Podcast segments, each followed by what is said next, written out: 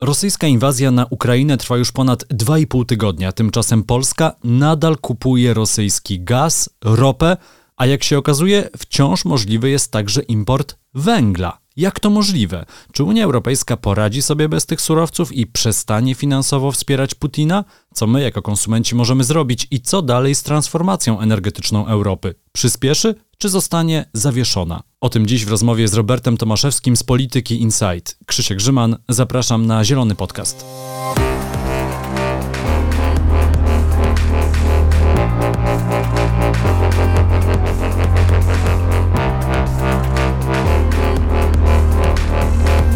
Gościem Zielonego Podcastu jest Robert Tomaszewski, starszy analityk do spraw energetycznych polityki Insight i autor podcastu Energia do Zmiany. Dzień dobry. Dzień dobry. Chociaż dzień dobry w tych czasach, to wiadomo, wszyscy powinniśmy mówić e, i, i, jakoś inaczej, z przyzwyczajenia tak się mówi. Zanim porozmawiamy o unijnych sankcjach, no właśnie, które będą czy nie będą i ograniczeniu e, importu surowców e, przez całą wspólnotę, chciałem zapytać, jak to jest teraz z Polską? Czy Polska e, kupuje rosyjski węgiel, czy kupuje rosyjski gaz, czy kupuje rosyjską ropę, czy nie? Kupujemy i to kupujemy bardzo dużo, bo e, tutaj zaczynając od tego nośnika e, energetycznego, od którego jesteśmy w największym stopniu uzależnieni, czyli od ropy, no to około dwóch trzecich naszego krajowego zużycia to jest właśnie surowiec pochodzący z Rosji, więc nasze rafinerie są e, do niego przystosowane i zużywają go w największej ilości, bo potem dostarczają paliw na krajowy rynek, a także eksportują je dalej. Jeżeli chodzi o gaz, nasze uzależnienie jest na poziomie no, trochę ponad połowa e, krajowego zużycia, czyli 50-55%. Również e, pochodzi e, ze wschodniego mm, kierunku. Mamy też duże uzależnienie od Rosji, jeżeli chodzi o import oleju napędowego. To jest około 20% naszego importu tego paliwa. No i wreszcie węgiel, który odpowiada za kilkanaście e, procent e, importu, z tym, że jest to węgiel e, kamienny i węgiel gruby, który jest zużywany w sektorze komunalno-bytowym, czyli po prostu w domowych piecach, ale też w ciepłowniach i w przemyśle, więc faktycznie Rosja ma bardzo duży udział w naszym e, rynku energetycznym.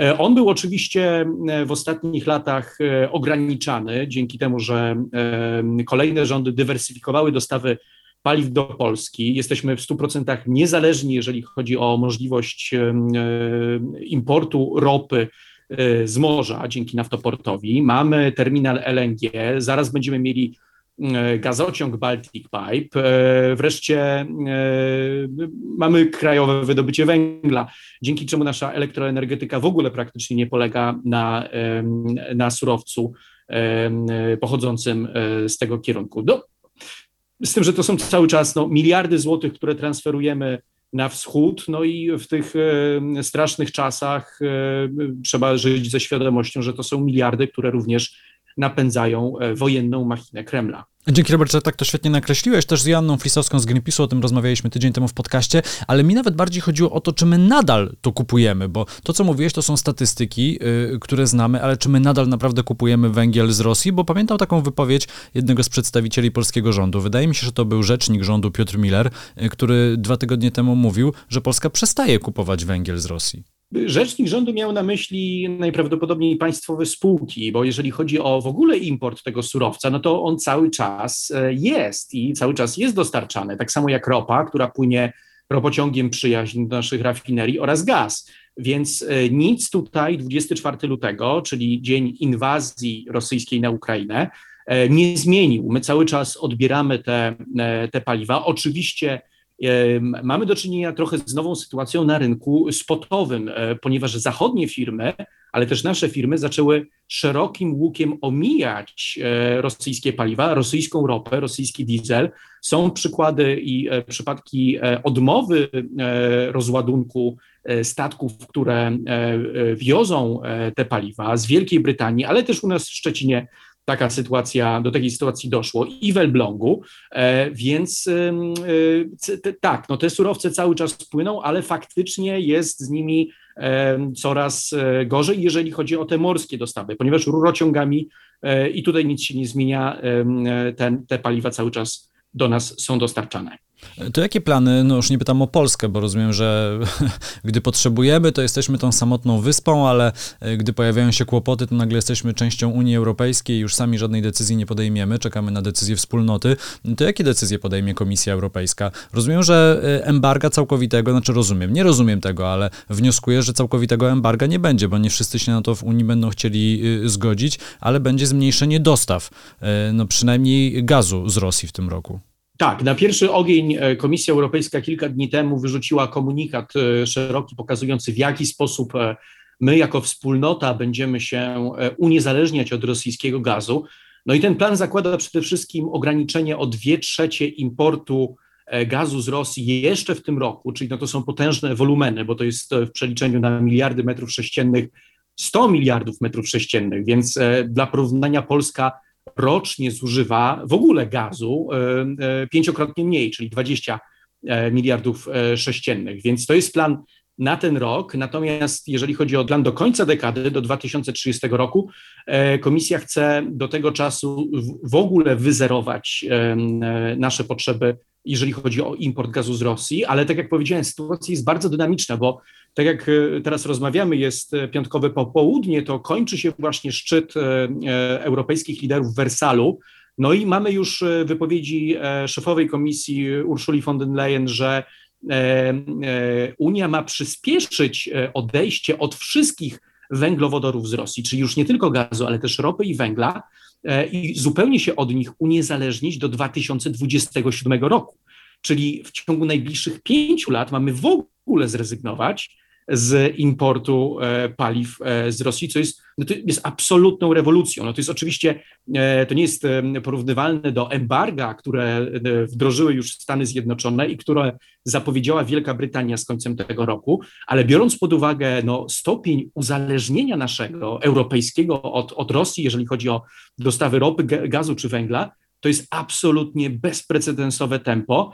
E, w maju komisja ma pokazać e, mapę drogową tego, w jaki sposób będziemy się uniezależniać od ropy i od węgla.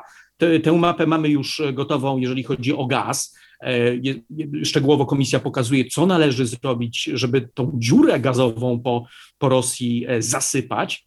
Więc no, mamy no, nieprawdopodobną absolutnie sytuację, która pokazuje, że no, Unia weszła na ten poziom e, przyspieszenia, jeżeli chodzi o e, uniezależnianie się od paliw kopalnych, z czego oczywistym skutkiem będzie przyspieszenie naszej e, transformacji energetycznej i kontynentu, i Polski. Ale czy faktycznie, Robercie, tak będzie, że to przyspieszy transformację energetyczną Polski, czy jednak Unia Europejska dojdzie do wniosku, że no trudno są sprawy ważne i y, ważniejsze i teraz te emisje tymczasowo wzrosną, bo na przykład dopuścimy do większego y, zużycia węgla, wydłużymy y, czas, w którym mogą być eksploatowane stare elektrownie węglowe i gdzieś się te cele klimatyczne odsunie na bok, przynajmniej na ten czas, kiedy będziemy się uniezależniać uzależniać od dostaw e, gazu, e, być może też ropy, co ciekawe, co będzie z ropą z Rosji.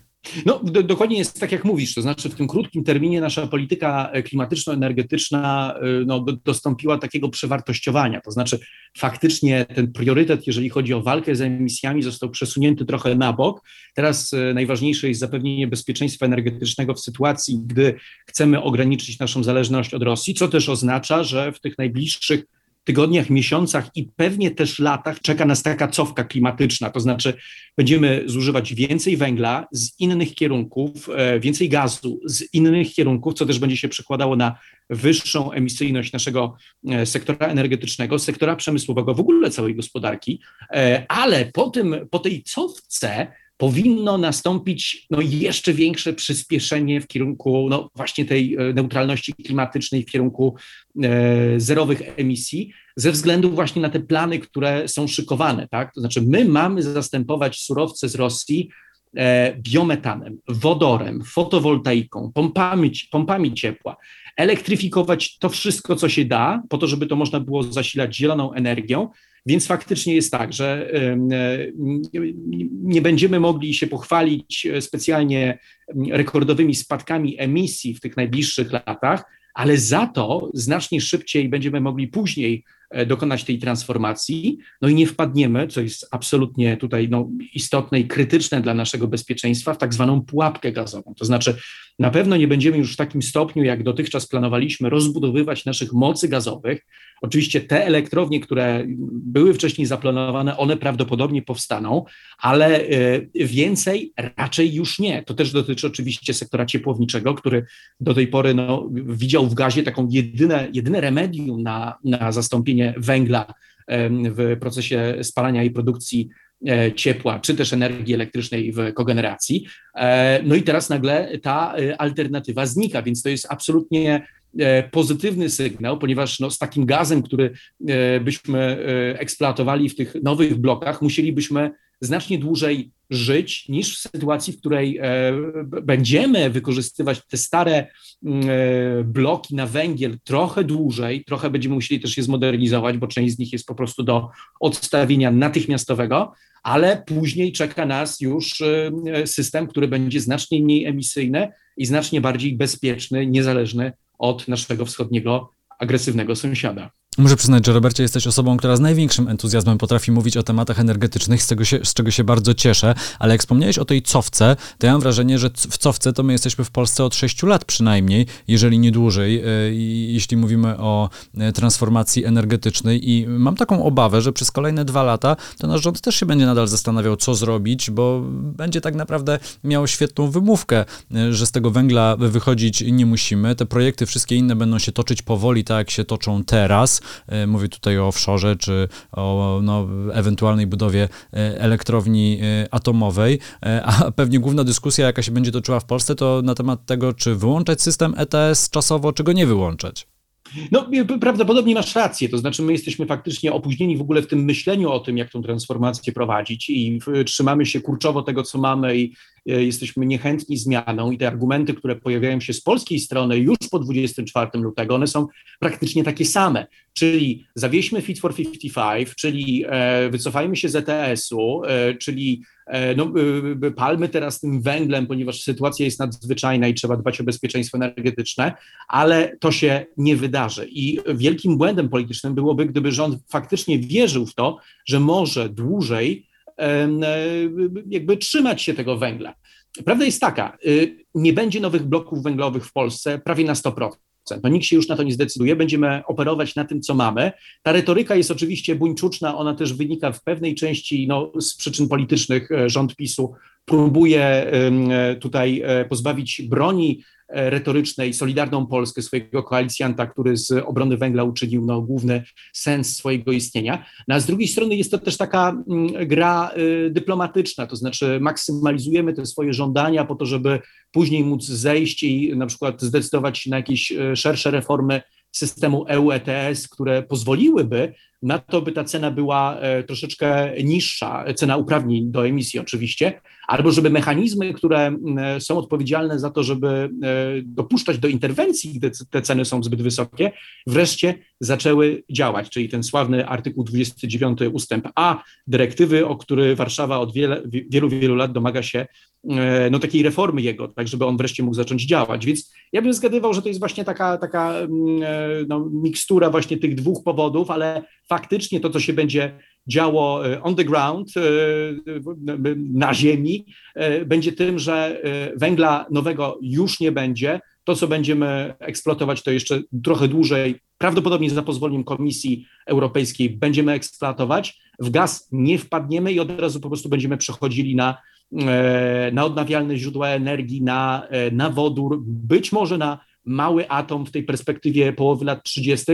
No i to już jest ten kierunek, w jakim będziemy podążać. Więc moim zdaniem jest to absolutnie pozytywny, y, możliwy wynik tego, e, tej sytuacji, o którym jeszcze no, kilka tygodni, miesięcy temu raczej byśmy nie marzyli. Raczej było takie przeświadczenie, że my musimy i już raczej nic nie możemy zrobić, po prostu wpadniemy w tą pułapkę gazową, bo jakoś ten węgiel musimy zastąpić. Natomiast teraz, dzięki temu przyzwoleniu ze strony Brukseli, ale też zmianie z pozycji Niemiec, bo tutaj też jest to kluczowe, my tego węgla będziemy mogli używać po prostu troszeczkę dłużej. Niemcy dokładnie stoją przed tym samym e, dylematem i tam, e, ponieważ ten opór wobec przedłużania żywotności tych trzech pozostałych elektrowni jądrowych jest bardzo, bardzo duży, no to Niemcy nie mają innego wyboru. Znaczy, żeby zastąpić te wolumeny gazu, które miały płynąć Nord Stream 2, który jest tak naprawdę już projektem praktycznie złożonym do trumny, E, no to te megawattogodziny będą musiały po prostu popłynąć z węgla kamiennego i brunatnego.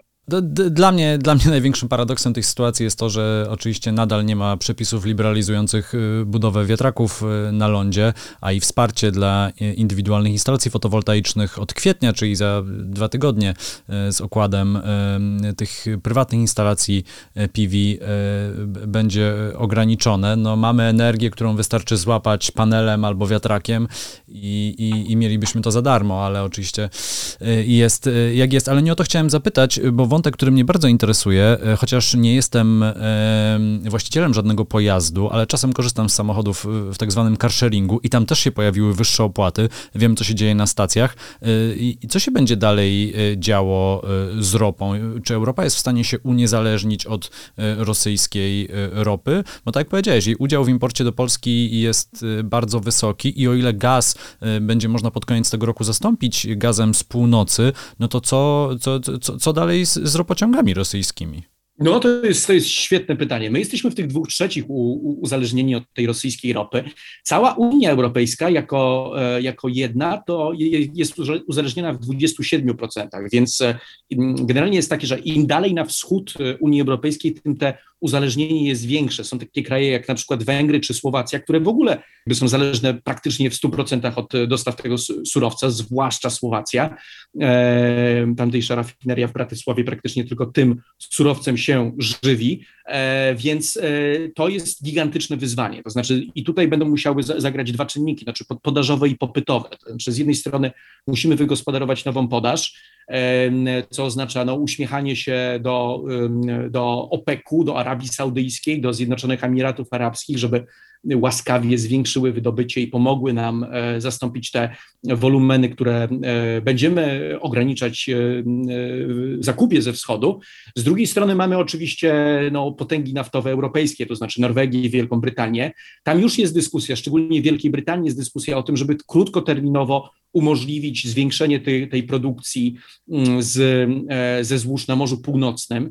Norwedzy szykują się w perspektywie 2024 roku do około 19-20% wzrostu produkcji ropy, więc to też będzie dawało nam troszeczkę większego oddechu. Tutaj jest bardzo ciekawa e, taka zmiana, która zajdzie na tej e, e, naftowej szachownicy, że tak powiem, bo brak popytu na rosyjską ropę będzie sprawiał, że ta rosyjska ropa z rynku krótkoterminowego będzie transportowana do Chin.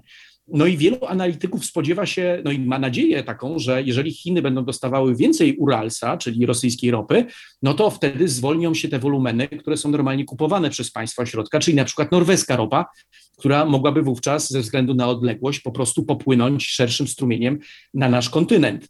E, no i to wydaje się mieć e, ręce i nogi. Oczywiście będzie też kwestia no, takiej diabelskiej pokusy, czy nie wrócić do większego wydobycia w Europie. Tutaj pamiętajmy, że 10 lat temu jeszcze mieliśmy gorączkę e, związaną z wykorzystaniem złóż niekonwencjonalnych, złóż łupkowych. Wówczas mówiło się przede wszystkim o gazie. Te projekty zostały no, anulowane, firmy się wycofały z ich eksploatacji, ponieważ wówczas ceny gazu były po prostu zbyt niskie. No ale teraz mamy zupełnie nową sytuację. Te ceny gazu są absolutnie rekordowe i wszystko wskazuje na to, że one się na tych rekordowych poziomach utrzymają kolejne miesiące, jeśli nie lata. A to oznacza w ogóle wywrócenie e, tego myślenia, że w Europie to już praktycznie tego wydobycia nie będzie. Być może e, no, firmy zaczą się skuszą się, żeby wykorzystać tą perspektywę, szczególnie, że te złoża są, one są, one są geologicznie dostępne, no i gdyby ktoś chciał, no to na przykład w Polsce można takie, te, te węglowodory rozpocząć wydobywać. E, wreszcie y, działania popytowe. Wysokie ceny będą oczywiście ograniczały ograniczały zużycie e, paliw. Będziemy się przesiadali do komunikacji miejskiej, do, do, na kolej.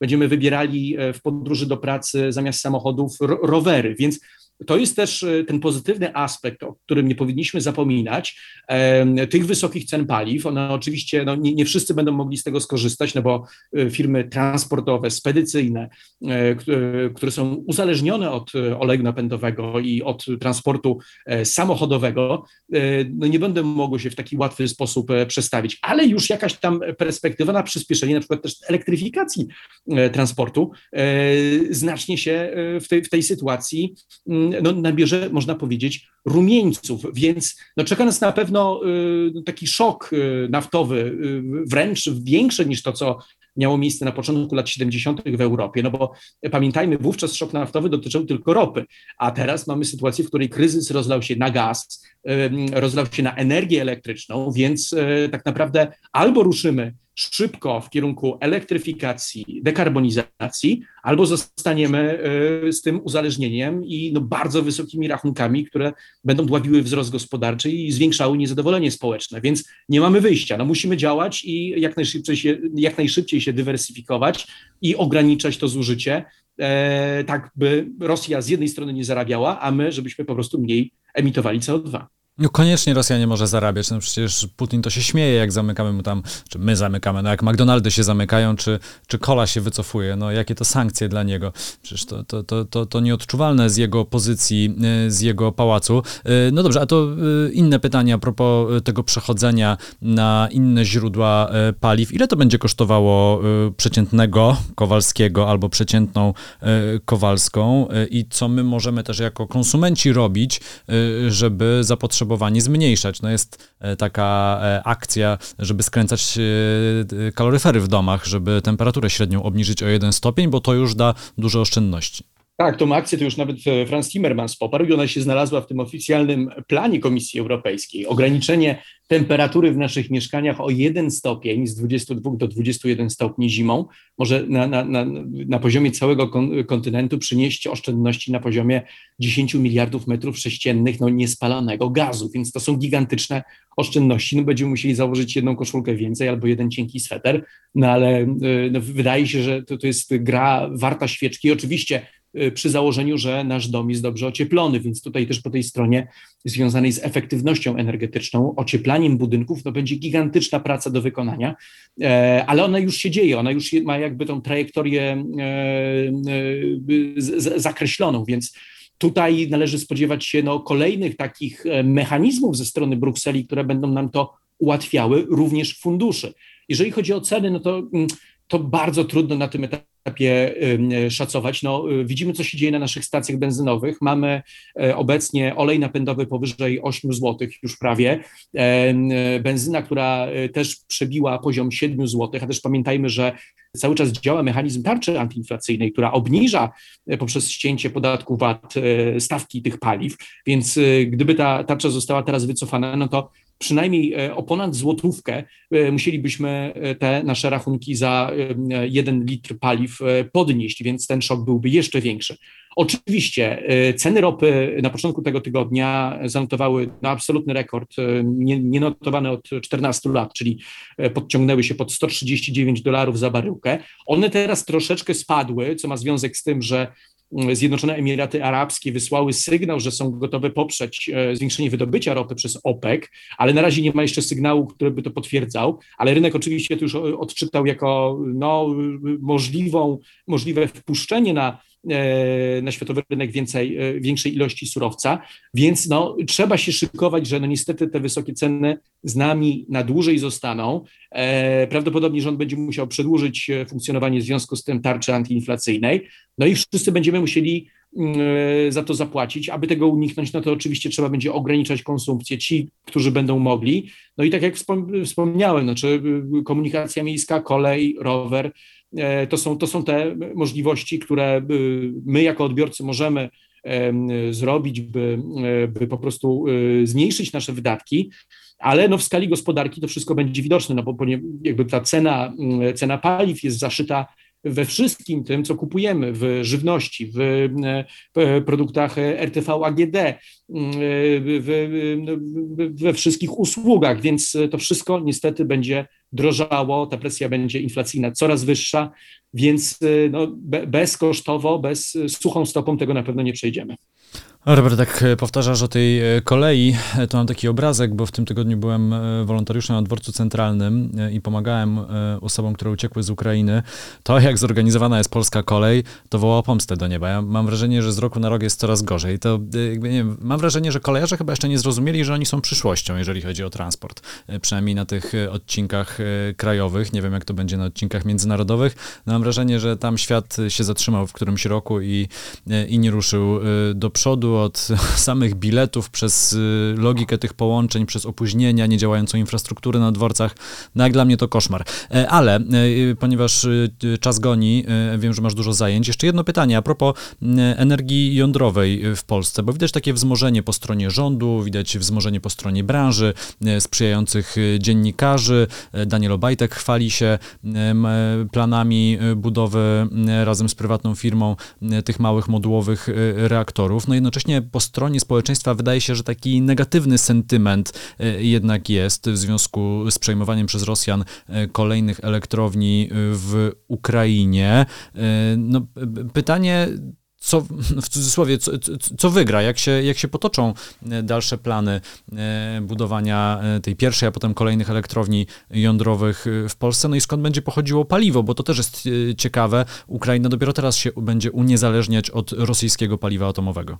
No wydaje się, że y, taki początkowy optymizm, który e, był widoczny, jeżeli chodzi o perspektywę rozwoju e, energetyki jądrowej zaraz po wybuchu wojny. Znaczy oczywiście trudno mówić o optymizmie w kontekście tego, gdy ludzie giną pod, pod bombami, ale no, taka pozytywna prognoza dotycząca tego, że no, jeżeli nie rosyjskie węglowodory, no to alternatywą jest albo OZE z magazynami, których nie ma, albo energetyka jądrowa właśnie.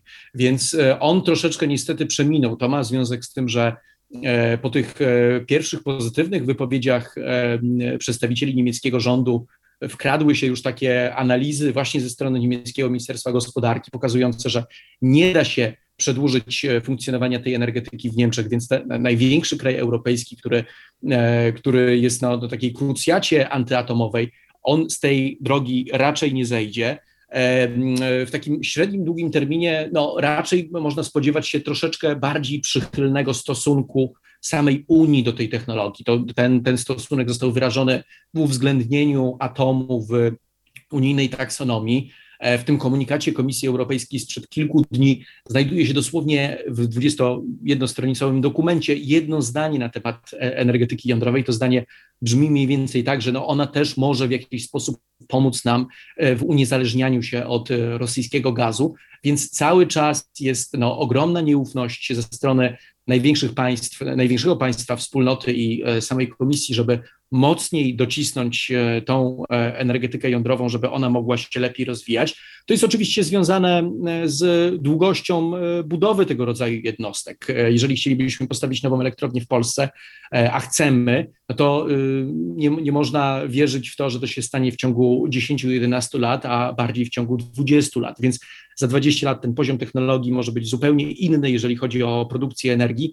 No i my tak naprawdę nie wiemy, czy stawiając kilkaset miliardów złotych na to, żeby budować tego rodzaju mm, e, e, bloki, tymi troszeczkę przesadziłem, kilkadziesiąt miliardów złotych, żeby budować tego rodzaju bloki, czy my po prostu nie przestrzelimy, więc rząd oczywiście dalej deklaruje, że jest gotowy, że chciałby tutaj już Jacek Sasin podczas, wicepremier Jacek Sasin podczas wizyty w Stanach Zjednoczonych niemal podpisał już kontrakt z, z Westinghouse'em na budowę e, atomówki. Mówi się, Mówi się o, e, o tym, że Amerykanie już mają gotowy pakiet e, kapitałowy, w jaki sposób mogli, mogliby wejść na, e, na ten projekt, żeby nas wesprzeć, ale prawda jest taka, że no cały czas no nie ma tego tej ostatecznej decyzji. Ten klimat dla atomu troszeczkę się zmienił na bardziej pozytywny, ale w mojej ocenie on, on będzie się rozwijał, ta technologia będzie się rozwijała w tych małych jednostkach, bo tych jednostek bardzo chce biznes, jest, biznes jest zdeterminowany, żeby je rozwijać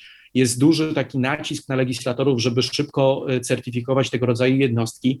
E, Brytyjczycy chcą to robić, Stany Zjednoczone chcą to robić, e, więc wydaje się, że jeżeli już atom miałby dokonać takiego renesansu w Europie, to właśnie od tej małej strony, od strony SMR-ów, a nie od strony wielkich bloków. Ale oczywiście mogę się mylić. To nie jest tak, że, że jeżeli do pewnego przełomu tutaj, do, do, do takiego przełomu może dojść. Tylko obawiałbym się, że mo, możemy po prostu powtórzyć drogę żarnowca, tak? to znaczy skupić się na tym, żeby rozpocząć tą budowę, żeby uruchomić ten projekt, a potem zostawić go rozgrzebanego w ziemi, właśnie jak e, w przypadku budowy naszej pierwszej niedoszłej elektrowni jądrowej w Żarnowcu, czy po, potem jak budowaliśmy e, węglówkę w Ostrołęce, też e, hura optymistycznie przecinane wstęgi, już mieliśmy te bloki stawiać, one już były prawie fizycznie gotowe, te, te stelaże na to, żeby, żeby te bloki tam węglowe postawić, no i ostatecznie projekt został zarzucony, więc takiego, po, takiej powtórki żarnowca Ostrołęki w przypadku naszego projektu dużego jądrowego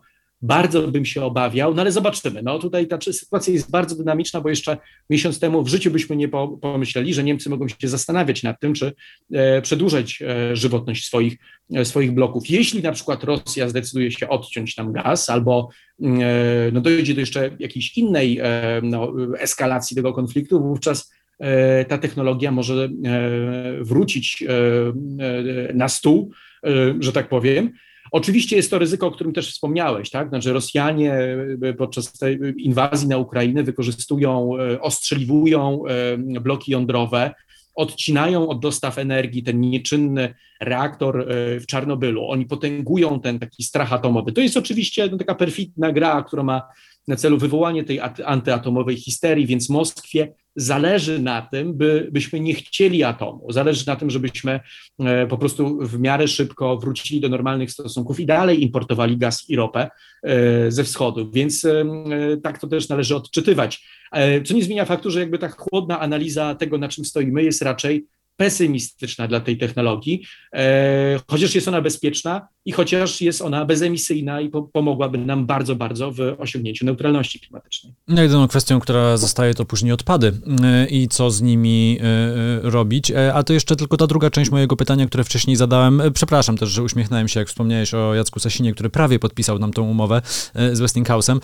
A jeszcze pytanie, a, a co z paliwem? Bo gdzieś wyczytałem, że Rosja kontroluje jedną trzecią rynku wzbogaconych wzbogaconego uranu? To paliwo jest dostępne. Mamy także, znaczy jako Unia kupujemy paliwo jądrowe wspólnie przez e, Euratom, więc e, tutaj Unia występuje jako jeden podmiot.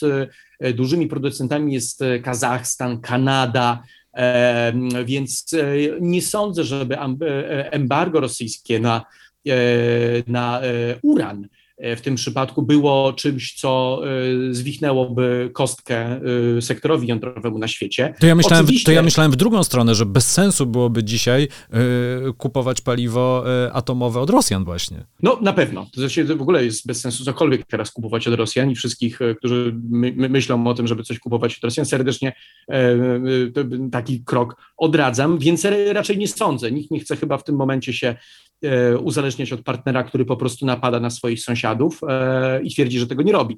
Więc e, zgaduję, że raczej poza Chinami być może, które Rosji się nie boją i specjalnie nie mają żadnych obiekcji, żeby interesy z Moskwą prowadzić, to zgaduję, że pozostali partnerzy zagraniczni, przede wszystkim należący do szeroko pojętego Zachodu, będą Rosję również pod względem zakupu uranu szeroko omijać. I tu możemy postawić kropkę, chociaż tematów do rozmowy jest jeszcze bardzo dużo, ale też okazji pewnie jeszcze kilka będzie w przyszłości. Robert Tomaszewski, starszy analityk do spraw energetycznych polityki Insight, autor podcastu Energia do Zmiany. Bardzo polecam. Był gościem Zielonego Podcastu. Bardzo Ci dziękuję za poświęcony czas. Bardzo dziękuję. To był Zielony Podcast, kolejny odcinek w niedzielę. Krzysiek Grzyman, do usłyszenia.